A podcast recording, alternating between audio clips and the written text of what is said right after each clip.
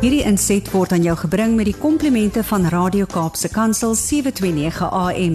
Besoek ons gerus by www.cape pulpit.co.za.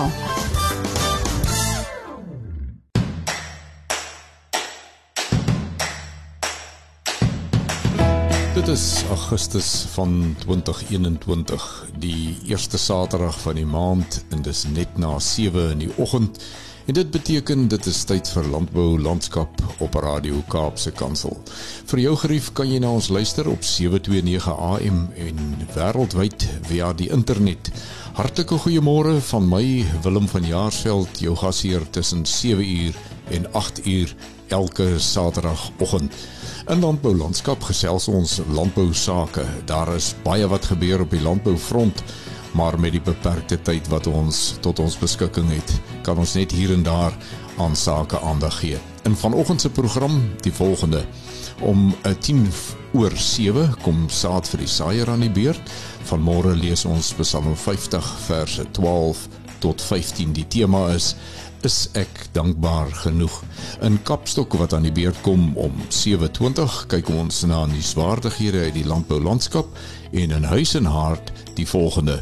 Ons gesels met Dewald Olivier van die Suid-Afrikaanse Voerkraal Vereniging oor aksies wat hulle geneem het om hulle te verskans teen verliese as gevolg van diere siektes, veral bek en klou seer.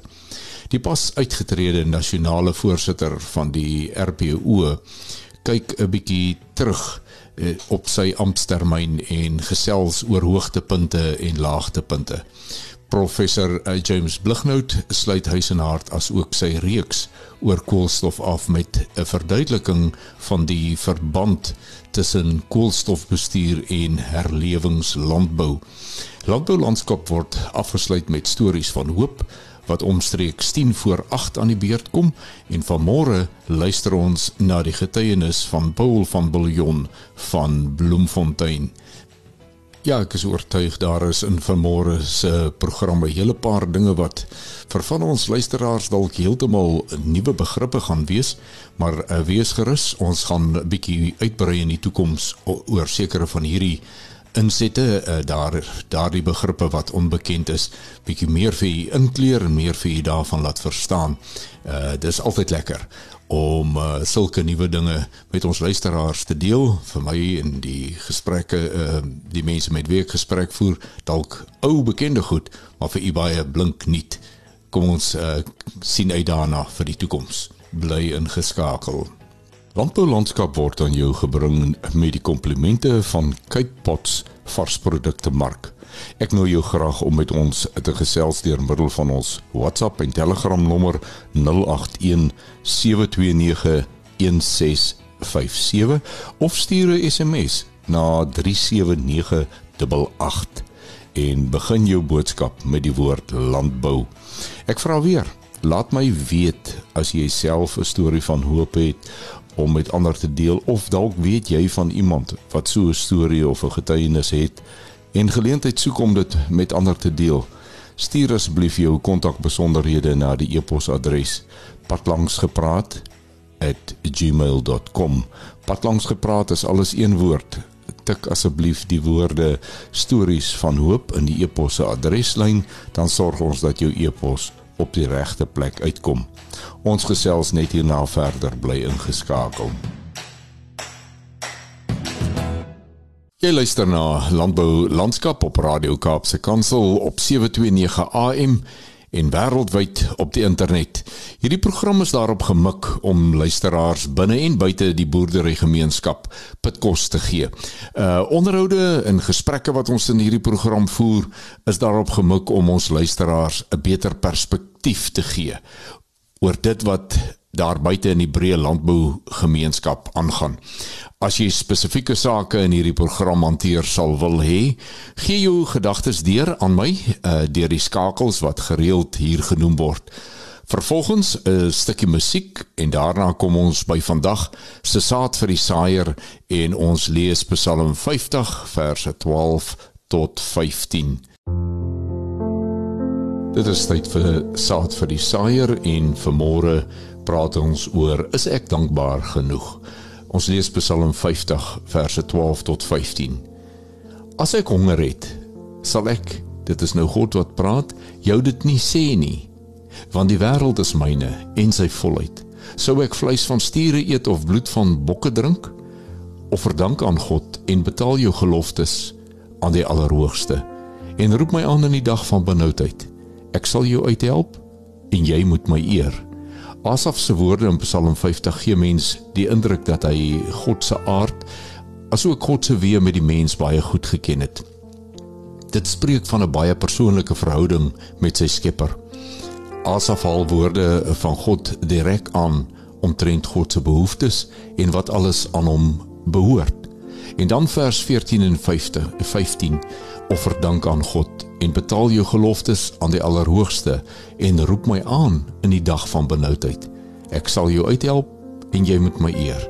Dit is 'n belofte van Vader dat hy na ons sal luister wanneer ons in benoudheid na hom roep.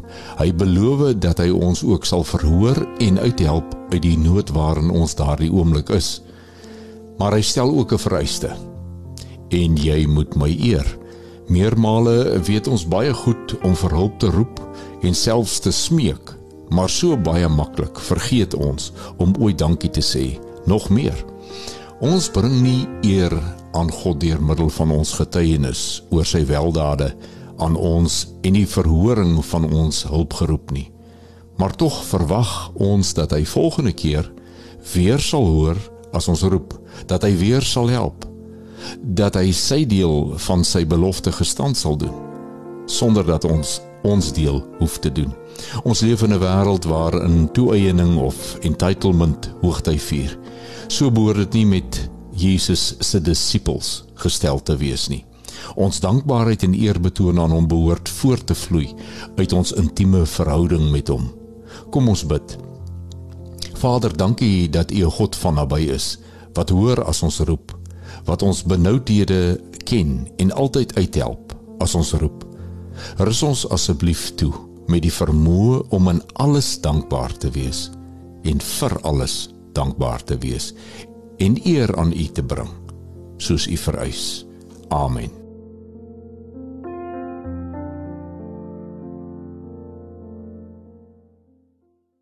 Jy luister na Landbou Landskap. Hierna kyk ons na nuusgebeure in landbou wat die aandag getrek het hierdie afgelope week.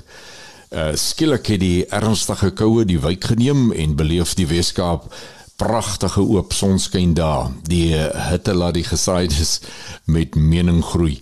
Oral begin die veldblomme uitslaan en beloof dat ons hierdie jaar 'n lus vir die oog gaan hê vir die mense wat dan nou ook gelukkig genoeg gaan wees om 'n draai in die streke te maak waar hierdie veldblomme te pragtig is. En dan besef mens daar is nog so baie mooi in die lewe oor waarvoor ons kan dankbaar wees. Net hierna is dit tyd vir Kapstok bly ingeskakel.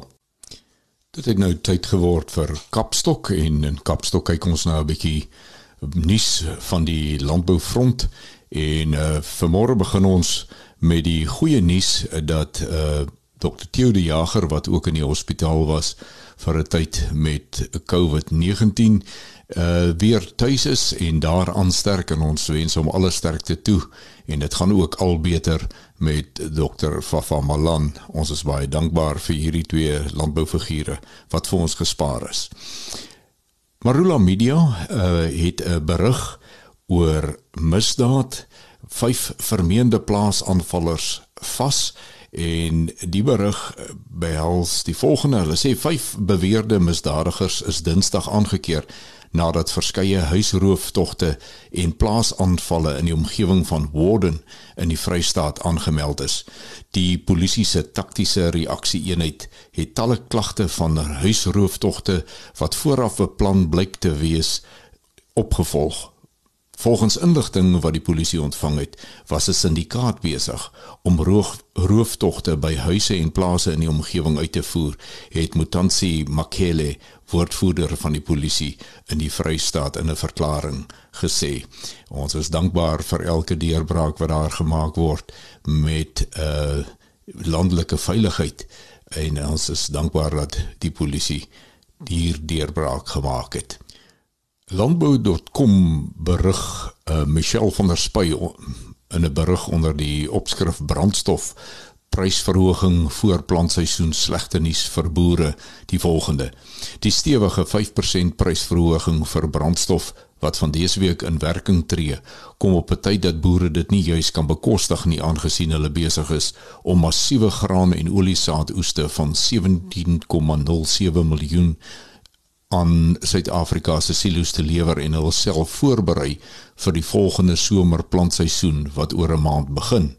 So sê meneer Paul Makube, senior ekonom van FNB Agribesigheid, nadat aangekondig is dat 93 oktaan en 95 oktaan petrol van dan nou vandag af en dit die berig is op Woensdag uh of Dinsdag en eh, wat dit verskyn so van Woensdag hierdie afgelope week af onderskeidelik met 18,11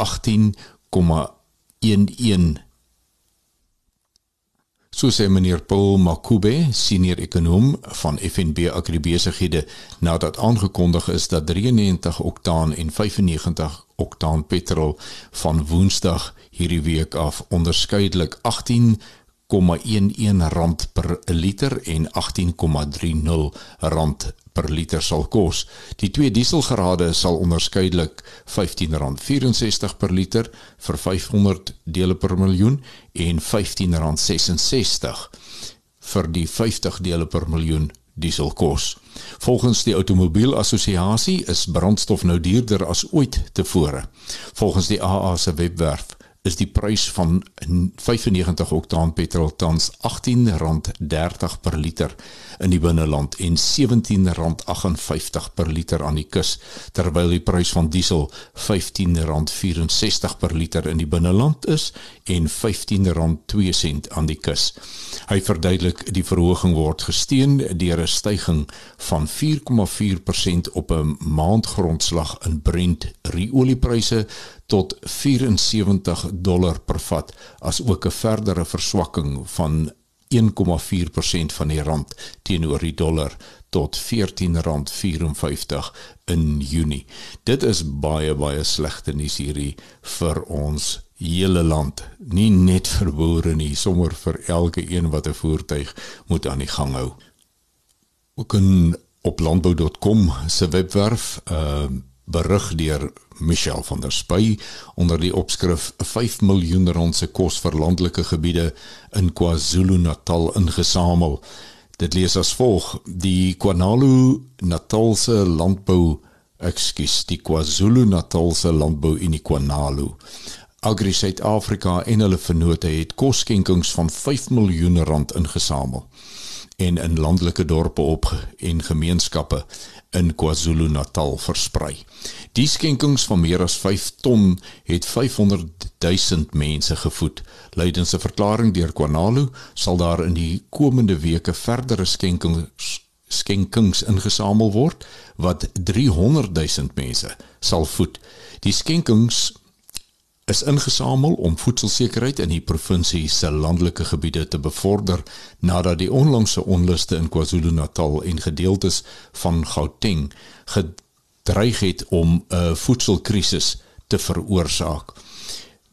Nou daar word verder meer oor hierdie saak berig, maar baie geluk aan hierdie instansies met dit wat hulle mee besig is. Uh dit wys jou maar net weer in ons land maak nie saak wat gebeur nie. Ons is altyd bereid en baie vinnig ook om 'n plan te maak om mense in nood by te staan en hulle uit hulle nood te red.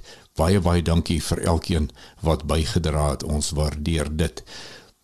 Huis en hart is vanoggend 'n lagaartjie van insette. Ons neem saam met die RPO afskeid van Koos van der Rust wat die afgelope 5 jaar hierdie organisasie gelei het en sommer diep spore daar getrap het. Ons praat ook met Dewald Olivier van die Voerkraal Vereniging oor siektebeheer in voerkrale en professor Blighnout sluit sy praatjie reeks oor koolstof van môre af met die verband tussen koolstofbestuur en herlewingslandbou.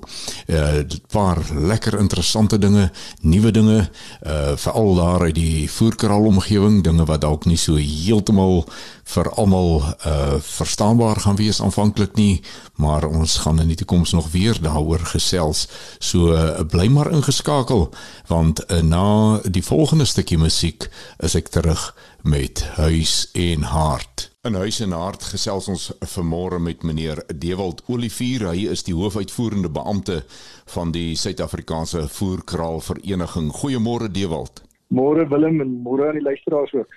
Nou Dewald, die voerkraal bedryf in Suid-Afrika het die afgelope paar jaar, ek wil sê die laaste 2 jaar, ongelooflike miljoene, der miljoene rande se skade gelei vanweë back and claw wat in ons land uitgebreek het en uitvoere is gestop. Wat het voerkrale, die voerkraalbedryf as 'n bedryf gedoen om te voorkom dat hierdie dinge in die toekoms hulle weer so seer maak? Jesus Willem, ag dankie vir die geleentheid. Uh miskien is dit belangrik om net as ons praat van miljoene Ehm um, ek wil net dis belangrik om te verstaan waar hierdie miljoene vandaan kom en hoe dit opgemaak word. Ek probeer is baie maklik en ons kry baie keer dat daar gesprekke is rondom eh, wat wat beteken miljoene? Hoeveel is miljoene en en in eerste plek en hoe hoe kan dit so baie wees? Nou ek kan en die die voerkraal eienaar ken ek nou goed en hy sê my vergewe as ek die volgende maak. Ek sal nie sy naam noem nie, maar in 2019 was daar 'n uitbraak van back and claw seer in in in die Limpopo gewees. En drie voerkrale is direk geraak daarbey. En die een wat die grootste geraak is, um, het 'n ontsettende en al die skade wat hy gelei het was as gevolg van die volgende. Hy kon nie die diere eerstens vir 'n lang tyd slag nie en in die tweede plek toe hy kon begin slag, toe moes hy byvoorbeeld sekere goeders doen wat onder andere behels hy moes die vleis verwerk, hy moes dit ontbeen, hy moes die 5de kwart weggooi. Nou almal dink daar is verskriklik baie geld wat wou mag gemaak word in die rooi vleis industrie, maar ek bedoel as jy daai goeders begin weggooi. Die velle byvoorbeeld was aan die begin kon dit nie gebruik word nie en die huide moes weggegooi word. Later is dit onderhandel dat dit gesout kan word en moes lê. So al dit, ek meen ons in Suid-Afrika gebruik die dier van die snoet tot by die stert. En as jy enige gedeelte van die dier uithaal, dan is dit dit het onsaglike verliese tot tot gevolg. So wat ek probeer sê is en ek weet dit dit dit is nie eers uh, die staantyd nie. Ons moet onthou dat jy werk op 'n op 'n dag en datum vir 'n die dier binne 'n voerkraal. En sodra hy op een dag na die datum is wat hy geslag moet word, wat dan gebeur is, hy vreet nog, maar hy tel nie meer gewig op nie. Wat beteken onmiddellik van daai oomblik af lê jy verlies. So die voerkrale het en moes ehm um, gaan kyk na wat op hierdie stadium in die gang is en en en, en hoe die die bedryf se ontwikkel uh rondom dieregesondheid. Ons is uit die aard van die saak natuurlik verskriklik bekommerd oor waar ons op pad is met ons dieregesondheid in Suid-Afrika. Maar om vingers te wys en heeltyd agter die deur te staan en te sê wie se skuld dit nou is, ehm um, dit werk nie. Uh ons het nou gesien en ek dink vir 'n paar jaar vroeër het ons dit probeer doen en ons het vir mekaar gesê ons moet oplossings kry. Nou van hierdie oplossings wat ons begin na kyk het, daar's drie plekke of drie uh, gedeeltes binne in, in die waardeketting wat ons moontlike beheer kan uitoefen oor. En die eerste een is natuurlik waar waar ons aankoop. Nou ek is ook by verskeie plekke op rekord en ek dink mense sien dit baie keer verkeerd vir al die produsente en wat uh, as ek die opmerking maak dat ons wil nie noodwendig as 'n voerkraalbedryf by enige veiling instap op hierdie stadium soos wat dit nou lyk. Die groter voerkrale kan ek met omonbonde sê gaan op hierdie stadium nie noodwendig na veiling toe nie. Hulle sal direkte aankope doen by boere, by produsente waar hulle seker is dat daardie produsent uh dieselfde uh, vlak van dieregesondheid handhaaf as wat waar verwag word in die voerkraal gehandhaaf moet word. So dit is een van die eerste goeders. Ons kyk na individue wat kan lewer en wat natuurlik die die nodige gemoedsrus kan gee rondom die spesifieke diere wat aangekoop word, die kalvers en dis meer. Dis baie belangrik en en en weer eens daar is nou die uitpak het reeds aan afgekondig en dis gegeset en al die goeders, maar ons kan dit nog nie sien. Ons kan nog nie sien dat die audits plaasvind nie. Ons sien nog nie enigsins iets in die praktyk gebeur nie. So vir ons is dit ons moet onsself beskerm waar ons aankoop. nou dit gebeur uh dat jy na veiling toe moet gaan. Ek bedoel van die groter voerkrale het egter die probleem dat hulle volumes moet opmaak. Uh hulle sit natuurlik binne in die waardeketting het hulle terugwaarts of voorwaarts geïntegreer en hulle sit met abattoir. So hulle moet soos uh, in in die, in die industrie soos hulle met daai monster, hulle met daai krokodille in die gange. Hmm. En wat beteken hulle noodgedwonge baie keer na veiligings toe gaan gaan. Nou op daai vlak dink ek baie van die groter voerkrale het begin druk uitoefen op die ehm um, veilingshuise om te sê hoe voldoen julle aan die biosekuriteitsreëls wat afgekondig is hmm. en om sodoende druk uit te oefen. So tot daar en hierdie twee wyses van aankoop of die wyses van inneem van diere dink ek kon ons tot op hierdie stadium en stadig aan die wiel begin draai om dit te doen. Maar daar's daar's meer goed wat ons kan doen. Onder andere het die voerkraalbedryf uh, ek het so 2 jaar terug begin kyk na hoe kan en of die rooi vleisbedryf en spesifiek die beesbedryf op hierdie stadium kan kompartmentaliseer. Nou dis 'n uh, lang woord en 'n ingewikkelde woord. So om dit af te breek die volgende. 'n Kompartement in terme van die reëls vir die diere dierewelstandsorganisasie, die OIE soos dit bekend staan, of kan 'n kompartement slegs oordra na 'n kompartement. So ons in die voerkraalvereniging het het 'n veearts aangestel en uh, akademiese veearts as ek sou kan sê iemand wat die, wat die wette verstaan en dis meer om te gaan kyk na is dit moontlik om die Suid-Afrikaanse rooivleisbedryf te kompartmentaliseer. En dit is definitief moontlik. Daar is sekere goed wat ons in plek moet sit. Byvoorbeeld, ons kan dit kwarantynestasies noem aan die voorpunt van 'n voerkraal waar die diere ingeneem word om seker te maak dat daai diere almal aan die nodige dierewelstands uh, vereistes of dieregesondheidsvereistes voldoen. Die probleem daarmee is en ons het ons het nog probleme. Ons is nog besig om te werk aan hierdie aan hierdie proses. Is jy voeg op 'n daaglikse of op 'n weeklikse basis nuwe diere toe. Nou elke keer as jy diere byvoeg, dan verander jou uh, gesondheidsstatus. Want ek bedoel dan bring jy nou nuwe diere in dan moet jy nou langer staan weer. So ons is nog besig met 'n paar uh, soos Engelsman sou sê challenges wat ons probeer uitsorteer. Maar persoonlike opinie is dis nie onoorkombaar en ons sal definitief begin kyk daarna. En sê ons kan terugdruk na die primêre produsent toe en vir die primêre produsent sê produsent as jy vir ons kan bewys dat jy 'n kompartement het en dan sekere reëls en vereistes voldoen natuurlik wat ons bepaal bedoelende dit die Suid-Afrikaanse industrie nie die res van die wêreld ehm um, dan kan ons afstand doen van 'n uh, inkubasieperiode of 'n staanperiode of 'n sogenaamde kwarantynperiode wat dit staan. So hierdie samewerking. Dit is op die einde van die dag is dit weer 'n samewerking. Daar's niks wat die voerkraalbedryf kan doen losstaande van die res van die industrie. However, ek dink die voerkraalindustrie besef dat die skade wat 'n uitbraak van potensieel back and claw binne 'n groot voerkraal of binne enige voerkraal kan uh, veroorsaak is enorm. So dis een van die goeie. Die volgende ding natuurlik wat ons dan begin kyk het en wat ek dink tot 'n groot mate reeds in plek is in die voerkrale is naspeurbaarheid. Nou al die voerkrale in Suid-Afrika is nie noors naspeurbaar nie. Dis 'n gegewe. En ek dink almal sal nie altyd wees maar ehm um, 'n klomp van die progressiewe voerkrale het gegaan en gesê maar goed, kom ons weer eens ons beweeg terugwaarts in die waardeketting en ons help die produsente wat aan ons diere voorsien om byvoorbeeld vir oorplaatjies te gee om ek weet van een van die voerkrale doen die volgende. Hulle sê vir die vir die produsent, produsent, ons wil graag hê die diere moet hierdie en hierdie en hierdie, hoe kan ek sê, wyses hanteer word. Byvoorbeeld, as 'n kalf gebore word, moet sy so lank of hy so lank by die by die ma wees en en en dan moet 'n veearts na die dier kyk en die veearts moet vir ons eh, sekere verklaringe gee en dis meer. So dit sekere goeders wat wat die voerkraal dan vir die boer op die einde van die dag vergoed voor om ten einde seker te maak dat die diere wat in sy voerkraal inkom gesond is. So daar's unieke nuwe maniere, anders maniere wat die voerkraal hieroor begin dink en ek dink daar's meer as, as net dit Willem. Ek dink daar's 'n klomp ander goeders wat gebeur wat ons nie noodwendig kan weet nie. Uh maar die voerkrale is leef onder geen illusie dat die beskerming van ons bedryf, die beskerming beskerming van ons diere se gesondheid lê by niemand anders as by die industrie. Ja ons weet en ons het nou gesien by die huidige uitbraak sonder om te veel te praat daaroor maar dat ons kan nie van en dis eintlik jy weet ons kan nie van die staat verwag om om alles te doen.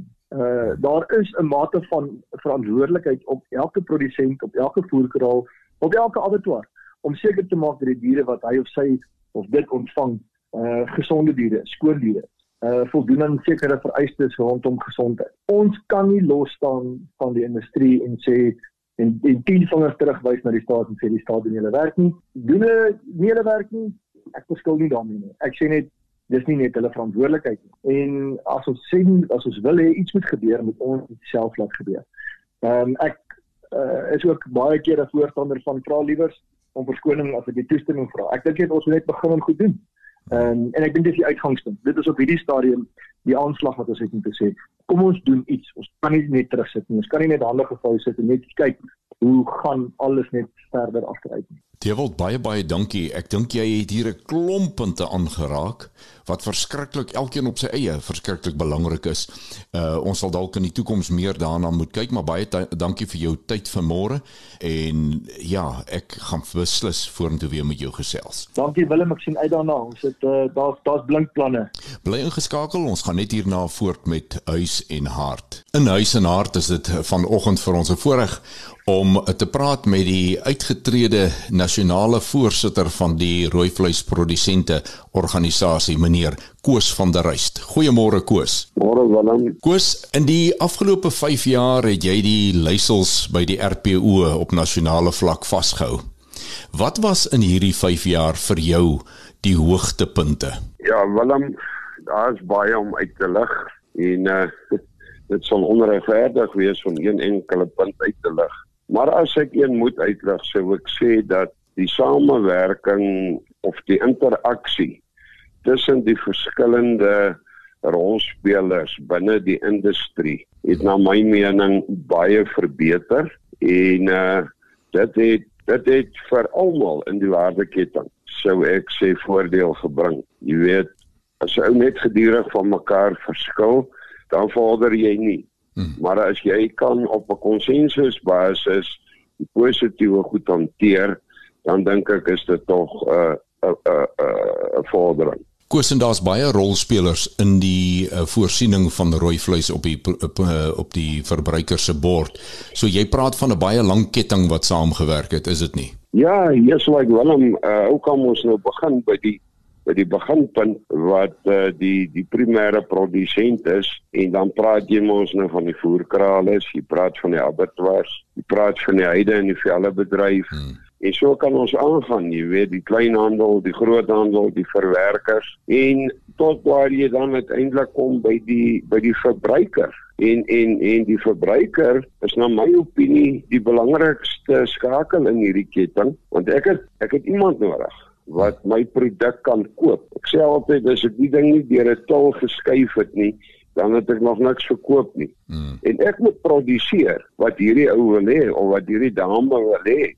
Hmm. So dis vir my die belangrikste uh, skakel in hierdie ketting en en dan moet moet ek mos nou vir haar 'n klomp goed kan waarborg soos diere gesondheid en gehalte en voedselveiligheid en weet jy ek is trots om te kan sê dat ons doen hierdie goed en ons kan dit doen en en en dit word in Suid-Afrika so gedoen in die formele strukture. Koos as daar nou een ding is wat jy sou kon uitsonder wat vir jou 'n besonderse uitdaging was en dit gaan nie oor of hy 'n oplossing het of nie. Wat was dit vir jou as voorsitter wat uitstaan as die uitdaging der uitdagings? Willem, ons oogies blink almal oor addisionele markte. Hmm. Addisionele markte in hierdie konteks praat ek oor die uitvoermarkte. Hmm. Jy weet ons ons kry op die stadium so ongeveer 40% minder as die internasionale prys. En ons was goed op pad met hierdie ding. Hmm. Toe breek Beck and Close uit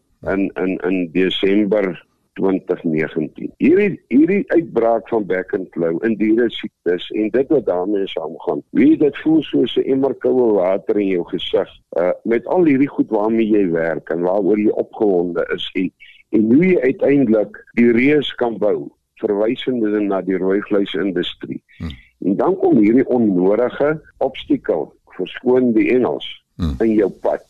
En wie wat is ergste hiervan? Hierdie obstacles word veroorsaak deur ons eie mense. Siektes ry met lorries en bakkies en waantjies rond. Yes, so maar hierdie is 'n is 'n teleurstelling, die grootste wat ek nog beleef het. Koos jy maak nou klaar by die RPO, maar die man wat ek ken is 'n man wat nie sommer net sal gaan sit en niks doen nie. Ek gaan jou nie nou vra wat jy vir die toekoms beplan nie, maar ek wil vir jou regtig dankie sê vir wat jy vir die rooi vleisprodusent en vir boere in die algemeen in die land beteken het in die afgelope 5 jaar. Dit was ook lekker daar waar ek en jy saamgewerk het. Ek uh, het dit altyd geniet. Jy's 'n reguit man En dankie daarvoor en uh, mag die Here seën op jou rus in jou pad vorentoe. Wel baie dankie om vir die boere van Suid-Afrika te werk en by uitsondering die veeboere is 'n verskriklike groot voorreg. Weet jy, ek is ek is geseën om deel van daai voorreg te kon wees. So dankie vir jou, dankie, maar ook dankie vir almal met wie ek kon saamwerk en met wie ek verhoudinge kon bou. En ek sal graag wil sien en dit is dalk my legacy dat ons hierdie reus sal bou en sal aanhou bou sodat ons die plek in die wêreldarena kan kry wat ons verdien. Baie dankie Willem. Dankie Koos, dankie vir jou tyd en uh, dit was meneer Koos van der Ruyst, die uitgetrede voorsitter van die nasionale RPO. Bly ingeskakel, ons gaan net hierna aan met huis en hart. Dit is weer tyd vir ons gereelde praatjies met professor James Blighnout oor koolstof. Uh, goeiemôre James. Goeiemôre Willem, goeiemôre aan die luisteraars. James môre baie eenvoudige vraag. Wat is die verband tussen koolstofvlakke en bewaringslandbou? Baie dankie Willem. Ons het nou al 'n paar keer in die verlede gesels dat ons het ons drie vennote, tyd, water en die son, die energie. En daarbey moet ons dan voeg bestuursmetodes. Hoe bestuur ons dan die grond wat ons tot ons beskikking het? En bewaringslandbou is 'n nuwe vorm van dink oor landbou. En ek put sit die ehm um, klem op 'n nuwe manier van dink. Want eintlik moet ons heeltemal nuut dink daaroor en vanuit nuut dink moet ons anders doen. Hmm. So bewaringslandbou is nie 'n resep nie. Op elke situasie gaan dit verander, verskil in terme van hoe jy die beginsels gaan toepas. Maar dit gaan oor die nuut dink. Daardie nuut dink gedeelte is is dat ons het hierdie drie vennote. Hoe kan ons hierdie drie vennote die beste gebruik op ons spesifieke plaas? En in die proses wil ons dan die koolstof wat in die atmosfeer is, so vinnig as moontlik plant binne in ons grond, binne in dit wat ons die hulpbron wat ons uh, van uh, beskikbaar het. En hoe kan ons dit doen? Ons kan dit doen deurdat ons meer plantmateriaal het op ons plaas of waar ons ook al werk. Hoe kry ons dan die meer plantmateriaal? Kom ons sê in 'n situasie waar jy dan nou 'n kontant gewas het soos 'n mielie of 'n soja of 'n ehm of 'n of 'n koring. Wanneer jy hom dan geoes het, die standaard praktyk veral dan in die Vrystaat waar ek vandaan kom, ehm uh, is dan om die land braak te hou die res die mieliereste te laat afvreet en dan lê hy braak vir die res van die tyd. En dan daardie braakland uh word dan met die son en die wind en die weer blootgestel en dan word die koolstof dan eintlik net verder vrygestel. Maar as 'n mens dan 'n dekgewas insit, dit is 'n gewone uh eenjarige gras wat jy dan kan insit, jy kan selfs uh, stikstof binnende plante, peulgewasse plant wat help om stikstof uit die atmosfeer uit ook af te neem wat 'n tipe van 'n uh, uh vir jou 'n natuurlike kunsmismiddel gee. Dan daai dekgewas word dan so 'n tipe van jou pleister wat jy bo op die aarde se wond sit. Want jy kan nou eintlik dink dat 'n dat 'n uh, 'n oesland waar die natuurlike plante groei verwyder is, is eintlik 'n wond. Hmm. En dan op daai wond moet jy 'n pleister sit sodat jy kan beskerm teen die son, die wind, die water en die natuurlike elemente. En daai pleister is die dekgewasse. Met saam met jou uh, peulgewasse, uh, eenjarige grasgewasse en dit maak die aarde koel, maar terwyl dit dan die aarde koel maak, absorbeer dit dan ook koolstof vanuit die atmosfeer. En dan die vraag is nou maar as ek nou weer om wil ehm um, plant, wat moet ek dan nou doen? En die antwoord is eintlik 'n baie eenvoudige antwoord is dan dan bewy jy hom daai eh uh, dekgewasse. Uh of jy rol hom plat. Want soos ons laas gesê het met geen bewerking of minimum bewerking sny jy mens die saad binne in die aarde in. Jy ploeg hom net daarin. En as jy dan nou hierdie dekgewas laag het, dan kan dit eintlik baie maklik werk om die saad binne in daai dekgewas, die reste wat daar oorgebly het, in te sny. En so kan 'n mens dan by wyse van jou landboumetodes die proses van koolstofvaslegging versnel En in die proses dat jy die proses van koolstofvaslegging versnel, maak dit ook die grond gesond. Hoe maak jy die grond gesond? Ons het gesê koolstof is een van die belangrikste boublokke van lewe. En soos wat die koolstof dan in die aarde vasgevang word, so stimuleer dit organiese materiaal binne in die grond. En nou praat ons van jou ehm um, aardwurms, jou jou ehm um, miskryers, jou ehm um, bakterie ensovoorts ensovoorts wat dan jou kan eintlik kan help in jou boerproses vorentoe. James, ek dink die belangrikste ding wat jy nou nou gesê het, dit is ons moet nuut begin dink. Die ou dinge het verbygegaan. dit het alles nuut geword, maar dit, baie keer is ons uh, denke nog 'n bietjie verstok en ons gaan in 'n toekomstige reeks 'n bietjie gesels oor herlewingslandbou en dis meer en ek dink uh julle het soveel werk al gedoen uh dat ons regtig die luisteraars kan laat deel in daardie wysheid wat julle op daardie gebied ook bymekaar gemaak het. Baie baie dankie weer eens vir jou tyd vanoggend. Baie dankie Willem, baie dankie aan die luisteraars. Lekker dag. Bly ingeskakel. Net hierna is ek terug met stories van hoop. Vanmôre die getuienis van uh, Paul van Billjon van Bloemfontein. Dit is nou tyd vir stories van hoop en vanoggend deel Paul van Billjon van Bloemfontein sy getuienis met ons oor hoe dat die Here in 'n baie kort tyd omstandighede en sy toestand totaal omgedraai het. Luister gerus wat sê Paul. Goeiedag mense, ek is Paul van Billjon wat praat. Om net 'n getuie lewer oor wat met my gebeur het met hierdie siekte die laaste 3 weke wat verby is nou in Julie maand. My vrou het eers positief vir COVID getoets en ek twee dae daarna getoets. Haar simptome en my simptome was totaal en al verskillend.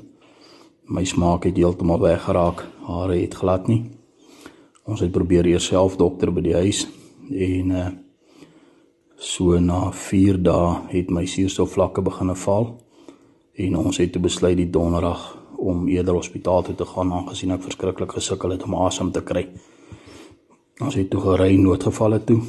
Daar gekom en geboek en gewag rukkie en toe opgeneem in in een van die wagkamers waarop 'n dokter my kom sien het en toe dadelik 'n drup opgesit het en ekstrale geneem het van my bors en my longe en met haar terugkom het ek gevra hoe lyk dit en haar antwoord aan my was meneer van Billion ek het al gesonde longe gesien maar die longe van jou lyk glad nie gesond nie en dit lyk nie baie goed nie so jy moet maar vir die ergste voorberei en wat vir my op daai stadium 'n geweldige skok was. Laat ek ehm um, regtig nie kon dink dat dit met my gebeur nie Maar wie is ek anderste as die ander mense wat daar reeds daar was en daar deur is? En uh, ek het baie emosioneel geraak daaroor. En ek net vir die Here gesê, Here, ek is nou hier. Ek kan niks verander nie. Dit wat gebeur, gebeur. Wat U met my maak, ek is in U hande. En ek het dit daar gelaat. Ek het vir my vrou 'n WhatsAppie getik en ek het vir haar gesê dit lyk nie baie goed nie maar ek is baie lief vir haar en ons sal deur dit werk. Ek het ook vir my vriend gevra om mooi te kyk na my vrou en my seun en sy vrou. En uh, ook vir hulle boodskapie gestuur en net vir hulle gesê hulle moet sterk staan ons gaan nie daaroor tyd gaan nou. Daarna as ek uit die ongevalle op na die COVID saal toe. Die saalsusters het my kom besoek en nog drup en goed deur my gesit asook 'n pynstiller drip deurgewerk en uh bly gesê ek moet op my maag slaap, ek moet my maag lê, ek moet glad nie op my rug nie. Die hele tyd op my sye, eerder na my borskant lê of op my maag lê en ek het dit van die eerste minuut af het ek dit dadelik gedoen en gehoorsaam gewees. Ek het in die gewone COVID saal gelê en die tweede aand die oom oorkant my regtig baie siek of sieker geword alhoewel hulle niks vir die oom kon doen nie en in ten aanskoue van myself en uh, moes ek toe kyk hoe die oom oorlede is die oggend so rondom 4:30 al 5 wat regtig baie traumatiserend was. En dit nogal by 'n mens vasteken by jou bly. Situasie in die saal het bietjie verbeter. Die dokter het my kom besoek, al het bloed getrek. So na die 4de dag en uh, sy het vir my gesê dat tel op dat daar erge bloeding in my longe is wat nie 'n baie goeie teken is nie. Maar uh, hulle gaan vir my weer stuur vir ekstrale en daai ek weet nie wat se tipe masjien is dit nie wat hulle iodine of iets in jou bloed spuit en dan kyk hulle weer deur jou longe en goede.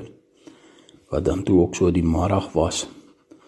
Nadat sy die oggend by my was en vir my gesê het meneer van Miljoen ek vermoed jy gaan 10% plus bloeding of klonte in jou longe het en ons verwag die ergste. En uh, wat vir my 'n geweldige skok was op daai stadium want ek het heel wat beter gevoel alhoewel ek bloed gehoes het. Is dit toe nou die volgende stapie wat ek moes deurwerk? Ek het maar net bly glo en ek het net vir die Here gesê ek is in sy hande. Ek het kalm gebly. Ek het regtig soos 'n vrede in my hart gemaak met dit ook al wat kom. Waarheen ek moes gaan of gebeur, ek daarmee vrede sal hê. En uh, hulle het my kom haal die middag so net na 1 afneem na die ekstrale toe. In 'n toe tipe van 'n tonnel ding behoor my gesit wat iemand op 'n luidspreker met my gepraat het en gesê het meneer ons gaan nou in die drip goed inspuit, moenie skrik nie, jy sal voel dit beweeg deur jou liggaam. En uh in die tonnel ingestoot en sê dit ook so toe nou vir my gesê. Die eerste drip is toe nou in my gespuit en ek het gevoel hoe die soos 'n tipe narkose deur jou hele liggaam beweeg tot in jou bene in. Ehm um, en uh, die masjien het bly draai en die stem het weer gepraat en gesê meneer van Billion, ons gaan jou weer terugsit en ons gaan jou weer 'n keer spuit om net seker te maak wat ons sien op die sonar is reg. Hulle het my weer ingedraai, weer gespuit, dieselfde gevoel weer deur my liggaam net 'n bietjie sterker.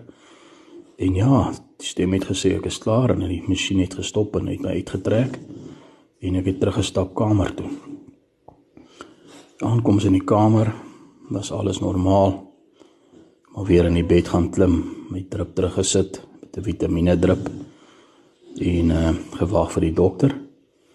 So 5:00 die middag het die saalsuster wat verskriklik oulik was en my die hele tyd ondersteun het na my toe gekom en gesê meneer van Miljoen ek weet nie wat om te sê of wat het gebeur nie maar u longe is skoon. Daar is geen bloeding of klonte in die longe nie. Wat op daai stadium wat ek laat besef het maar ons God is groot en daar het definitief wonderwerke plaasgevind in my lewe en daar is definitief nog 'n groter plan vir my in die lewe wat ek moet uitvoer en definitief aan iemand iets moet doen of terug moet gee vir dit wat die Here vir my gedoen het hierdie laaste paar dae in my lewe. Ek is by die huis, ek voel baie beter, ek is nog baie swak. Ek sukkel geweldig met die met die asemhaling, maar ek stap darmal verder as wat ek gestap het. Die longe voel beter. So ek kan net ek kan net sê dank die Here dat ek deur hierdie ding is en dank sy sy genade. En ek wil maar net graag dit met julle gedeel het want ek voel 'n mens kan nie stil bly oor hierdie tipe van goed wat met jou gebeur het in die lewe nie. Baie dankie aan Paul van Billion wat bereid was om hierdie pragtige getuienis met ons te deel. Ek dink die hoop wat ons hier uit moet kry is al lyk 'n situasie ook hoe mistroostig, so ellendig. Dit is die einde.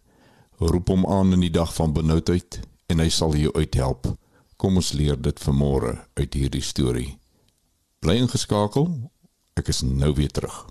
En daarmee kom ons aan die einde van vandag se landbou landskap.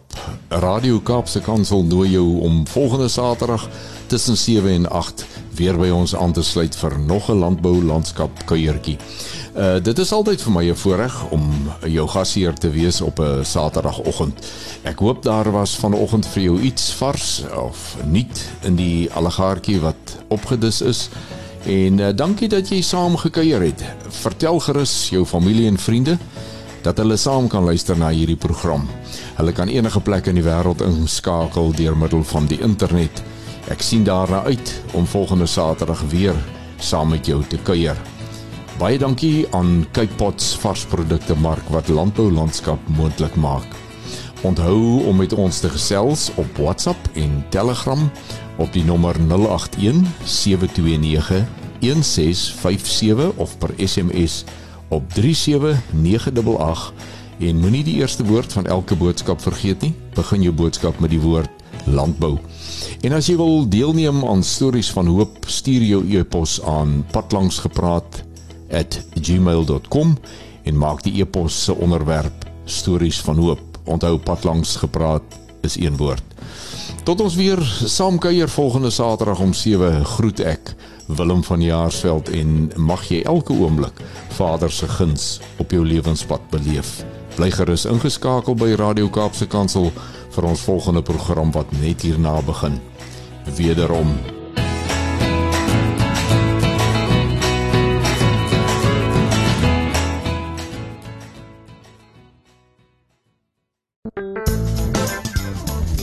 Hierdie inset was aan jou gebring met die komplimente van Radio Kaapse Kansel 729 AM.